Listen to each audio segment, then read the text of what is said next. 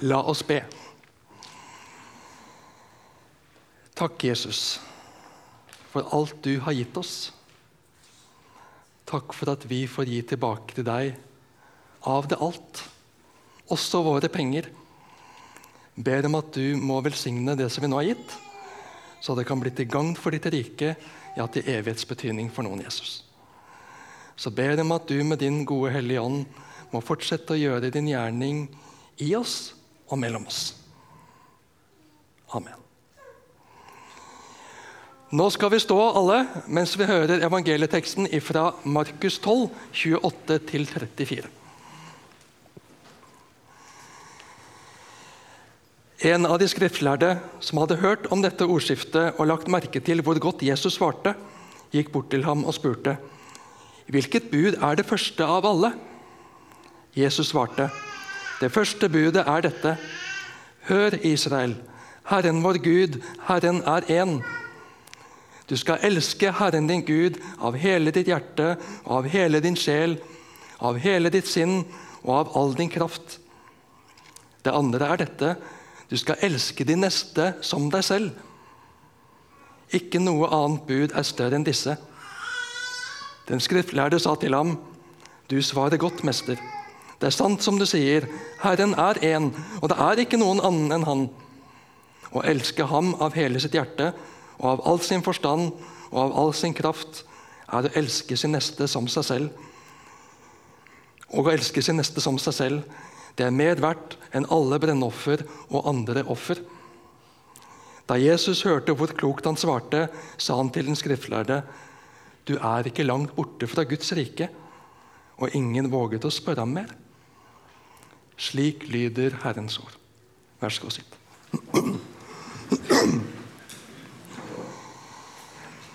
I forkant av dette så har Jesus blitt utfordret og prøvd lokket i en felle i spørsmål om skatt. Rasjonalister som ikke skjønner seg på at det kan være noe liv etter dette, har kjørt en historie med humor og brodd for å urimeliggjøre det hele. Men Jesus har svart godt for seg. Og avsnittet vårt kommer i forlengelsen av dette. En som kommenterte teksten, han betegner den skriftlærde som en sympatisk Jesusvennlig og sympatisk fariseer. Jeg minner om at når jeg leste det, så slo det meg Hvor er det han vil hen, egentlig? Er det den lærde som vil teste den nye, populære predikanten? Han stiller vanlige spørsmål i de kretser, og det er et viktig spørsmål. Hva er det Gud vil med oss? Hvordan er det Gud vil at vi skal leve? Hva er det viktigste?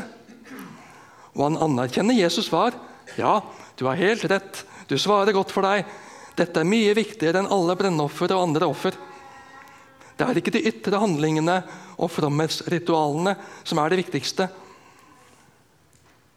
Men jeg minner meg at spørsmålet som dukket opp i meg, var i hvilken grad slipper han Jesus innpå seg, egentlig?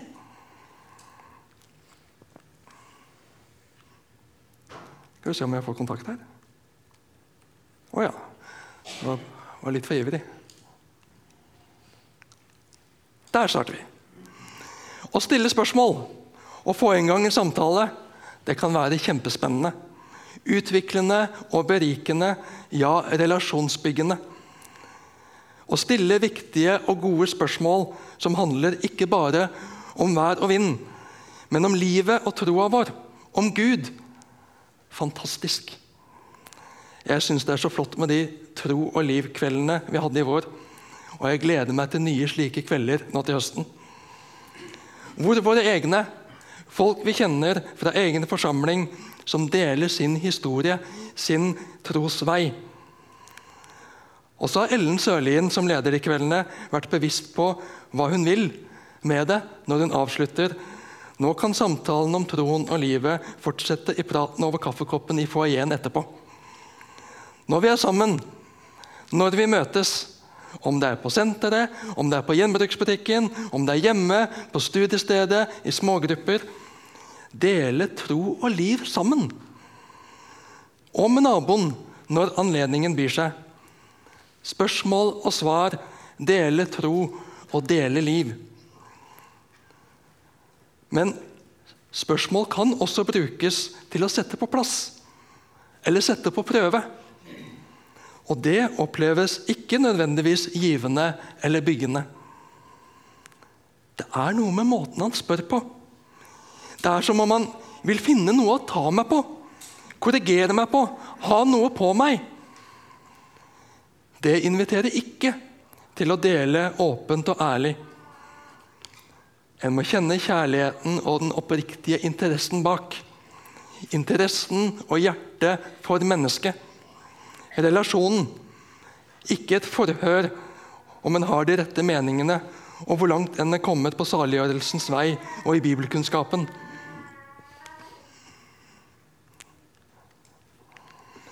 Denne skriftlærde ble imponert over hvor godt Jesus svarte for seg. En kan bli imponert over hvor godt en person svarer, men likevel holde sak og person på armlengdes avstand.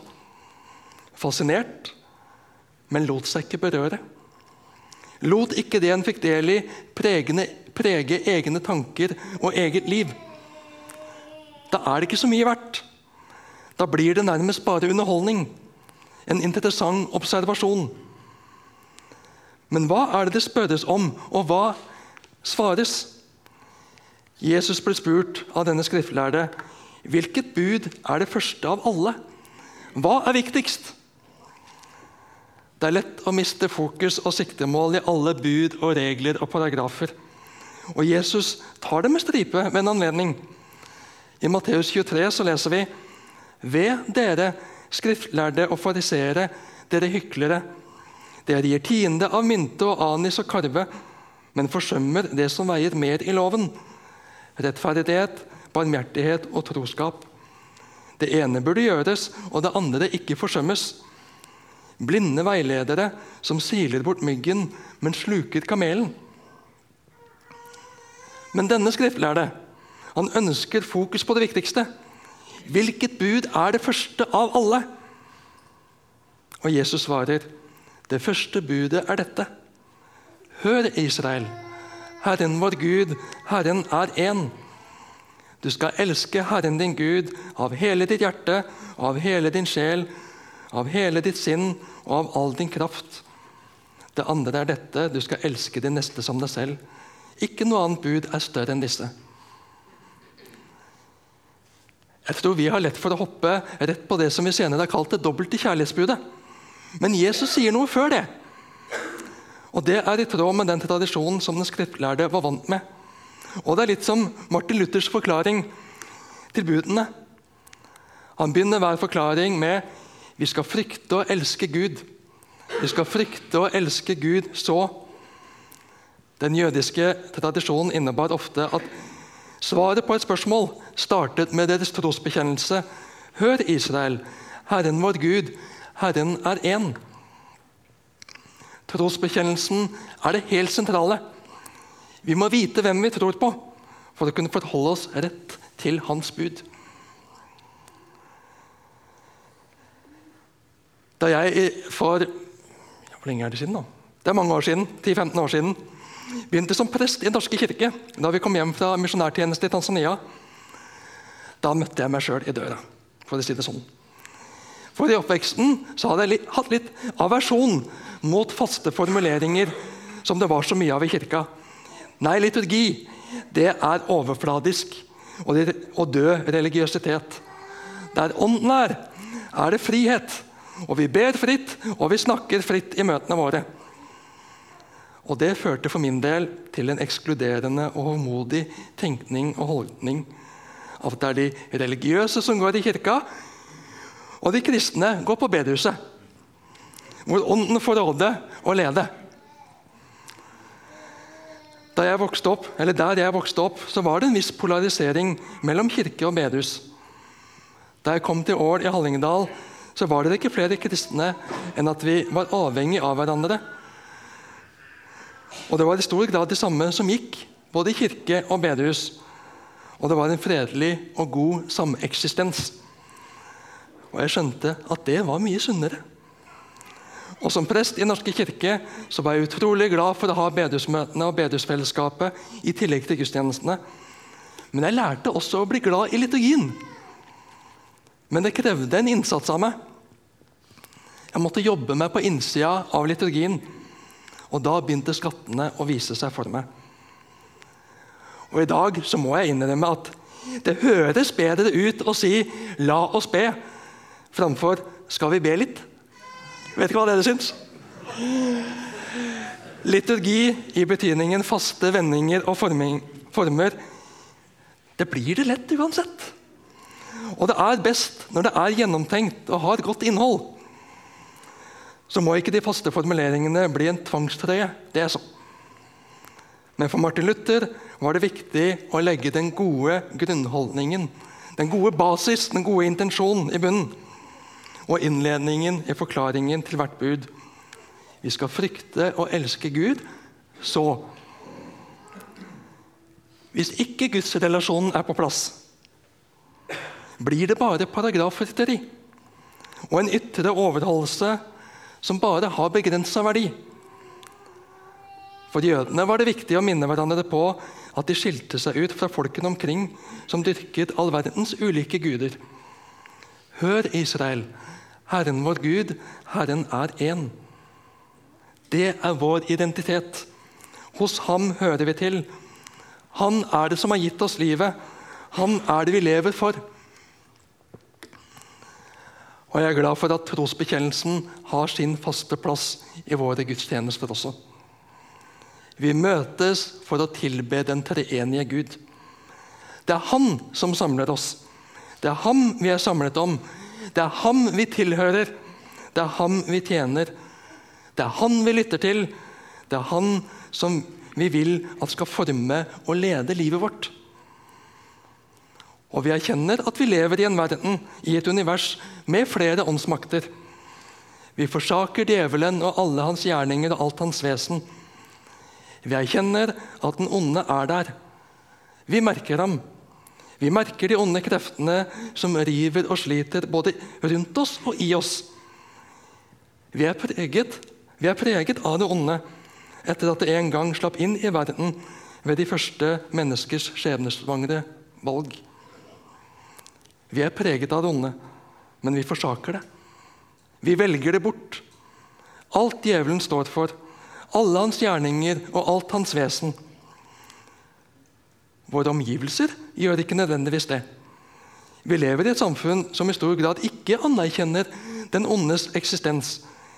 Djevelen er bare en mytisk figur, tenker mange, som en kan kle seg ut som på halloween. Det blir et stort ansvar å bære om det onde bare er i mennesket. Vi erkjenner at den onde er en realitet. Men vi forsaker ham, tar avstand fra ham, velger bort ham og alt han står for og representerer. Og så bekjenner vi oss til Gud, vår Far, som skapte himmel og jord. Han er vårt opphav. Han er alle tings opprettholder. Vi bekjenner oss til Jesus Kristus, den salvede Messias, Guds eneste sønn, vår Herre, som ble menneske for å gjøre opp for menneskene. Som var uten skyld for å kunne bære andres skyld, vår skyld. Som døde virkelig, men som også seiret over døden. Og som skal komme igjen for å dømme levende og døde. Vi bekjenner oss til Den hellige ånd, syndenes forlatelse, kroppens oppstandelse og et evig liv sammen med Ham, vår skaper, Herre og Far, vår Gud. Vi kan ha det veldig hyggelig sammen. Vi kan gjøre mye bra i og ut fra Misjonshuset. Men det som samler oss, er Han, den treenige Gud. Uten ham så hadde det ikke vært noe av dette. Hadde, det hadde verken hatt mening eller retning. Nei, vi hadde ikke vært til. Jesus starter der, med bekjennelsen av hvem vi tror på og tilhører vårt opphav, vår tilhørighet. Ut fra det kan han snakke om livet og hvordan vi skal leve, og hva som i det er det viktigste. Hør, Israel. Herren vår Gud, Herren er én. Du skal elske Herren din Gud av hele ditt hjerte og av hele din sjel og av hele ditt sinn og av all din kraft. Det andre er dette du skal elske din neste som deg selv. Igjen det handler ikke først og fremst om det vi har så lett for å henge oss opp i. Og som lett fører oss på viddene, og som gjør at vi opptrer med millimetermål overfor hverandre. Det handler ikke om du skal, og du skal ikke.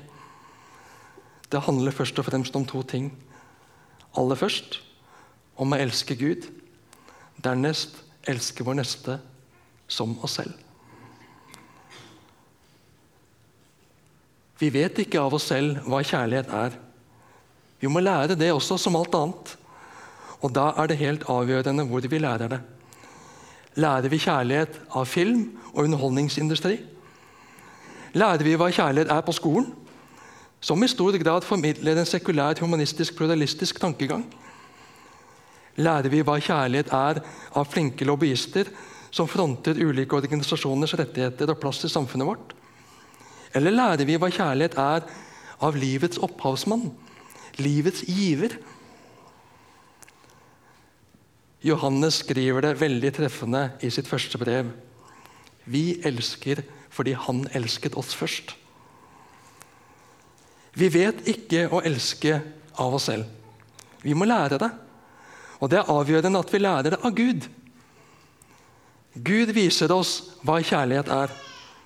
Han gir han tar av seg selv. Han er ufattelig overbærende og tålmodig. Han setter grenser for å hegne og verne om det gode. Han gir seg selv for dem han er glad i. Han viser oss hva kjærlighet er. Hva vil det da si at vi skal elske Herren vår Gud av hele vårt hjerte, av hele vår sjel, av hele vårt sinn og all vår kraft? Jo, akkurat det er jeg fristet til å si at Gud er vårt orienteringspunkt. At Gud er hvem vår lengsel, vår oppmerksomhet, vår hengivenhet står til. Det er hva han mener som betyr noe. For ingenting er viktigere for meg enn han, enn Gud. Ikke fordi jeg må, ikke fordi jeg ikke tør noe annet, ikke fordi jeg er redd for ham, men fordi jeg elsker ham. Jeg er så glad i Gud, min far, jeg ønsker å glede ham. At livet mitt skal hylle min skaper og Herre. Og slik vil jeg det skal være med alle deler av meg. Med hjertet, som i denne forstand er personlighetssenteret vårt. Med sjelen vår, som er livet som bor i kroppen. Med vår forstand, som er summen av fornuftsfunksjonene, tanke, holdning og overbevisning. Av all vår makt altså vår viljestyrke. Det handler altså ikke om blind adlydelse, som en test på lydighet og disiplin og underdanighet, men om et nært og intimt kjærlighetsforhold som preger, ja, oppsluker meg og hele mitt livsperspektiv, mitt livssyn, ja, verdensbildet, er styrt av ham. Og da vil det andre også falle på plass. For Gud er ikke en kald, beregnende og maktsyk Gud som tester min lydighet for å sette alt annet til side. At jeg skal ofre alt annet og alle andre på hans alter. Fordi han elsker all sin skapning, springer det ut av kjærlighetsrelasjonen med ham at jeg også elsker alt det andre og alle andre han har skapt. Jeg kan jo ikke ha et annet forhold til det han elsker, enn det han jeg elsker, har elsker min neste som meg selv. En oppmerksomhet, overbærenhet, tålmodighet, omsorg for min nestes ve og vel. Om hun er et familiemedlem, en nabo eller bor i Jemen. Men det impliserer at jeg også elsker meg selv. Gjør vi det? Eller lar vi alle skulle, ville, måtte kunne burde egne og andres skyhøye, kalde idealer trykke oss ned. For det er slik Gud ser oss Og Gud elsker oss. Sammen med å lære av Guds blikk på andre, så trenger vi å dvele ved, se, lytte og ta inn Guds blikk på oss. Guds blikk på meg selv. Kan jeg forakte? Kan jeg snakke ned? Kan jeg nedgradere det som Gud har skapt og elsket overmåte høyt? Så høyt at han ga livet sitt for det. For meg. Han elsker meg. Kan jeg forakte meg selv, da? Kom til ham med det som gjør det vanskelig å elske seg selv. Kanskje er det egen synd en trenger å erkjenne som synd. Vende seg bort fra og be om tilgivelse for, for å bli leget og hel igjen. Kanskje er det andres synd gjennom kommentarer, holdninger, påvirkning over tid eller sjelsettende handling i ditt liv som har skapt sår som trenger behandling for å leges. Gud kan helbrede også slike sår. Og ofte bruker han mennesker i helbredelsesprosessen. Ta kontakt med noen du har tillit til. Om jeg kan være en slik person, så vil jeg gjerne det. Og her er andre som har både fagkunnskap og livserfaring til å hjelpe. Våg å snakke med noen om det, noen du har tillit til. Bibelavsnittet vi delte sammen, dagens preiketekst, avslørte at denne samtalen mellom Jesus og den skriftlærde endte med at ingen våget å spørre Jesus mer. Jesus' svar tok en overraskende vending. Jesus kan det å overraske. Han gjør det ikke for å være vanskelig. Han gjør det ikke for å være sær. Han gjør det ikke for å være partykiller. Han gjør det av omsorg. For Jesus handler ikke om samtalen eller diskusjonen for diskusjonens skyld. Jeg tror ikke Jesus var så veldig ivrig på smalltalk. Det er noe han vil få fram, som ligger ham på hjertet. Det handler om frelse, om å nå fram til Guds rike. Vi kan diskutere så mye religion og etikk og teologi vi vil. Og det kan være spennende, berikende og interessant. Men det er noe som er utrolig mye viktigere. Og det handler om å nå fram til Guds rike. Jesus så, slik bare han kan se, inn i hjertet på denne skriftlærde, høyt utdannede karen som han snakket med. Han så mye bra engasjement. Han så mange gode meninger og holdninger. Da Jesus hørte hvor klokt han svarte, sa han til den skriftlærde, du er ikke langt borte fra Guds rike. Nå kjenner ikke jeg deg, i hvert fall ikke slik Jesus kjente denne skriftlærde, og slik Jesus kjenner deg. Men hva ville Jesus ha sagt om han hadde denne samtalen med deg? Hadde det vært sant om deg du er ikke langt borte fra Guds rike? Du er positiv, du er interessert, du har mange gode verdier, du er i et godt miljø, men du har egentlig ikke sluppet Jesus på innsiden. Du er positiv til Jesus og Gud, men du har ikke gitt ham livet ditt. Du har ikke invitert ham inn, inn som herre og frelser i livet ditt. Vet du hva? Du kan gjøre det nå, om du er klar for det. Du kan be i hjertet ditt sammen med meg. Jesus, du kjenner meg. Du kjenner alt i livet mitt. Du kjenner det som er bra, og det som ikke er bra. Jeg vil ikke leve for meg selv lenger. Jeg vil leve for og med og i deg. Kom inn i mitt liv, Jesus. Tilgi meg alle mine synder. Takk for at du sonet for alt det gale i mitt liv da du døde på korset, og at jeg skal få leve med deg. Du skal være min Herre og min Frelser fra nå av. Amen. Jeg vil si til deg som kanskje har bedt denne bønnen med hjertet nå for første gang gratulerer. Jesus har hørt din bønn. Han har kommet inn til deg. Han er din, og du er hans. Du får være et Guds barn, en kristen, en Jesu disippel. Ganske snart skal vi dele nattverden sammen. Du er hjertelig velkommen til å komme fram og ta imot Jesu kropp og Jesu blod.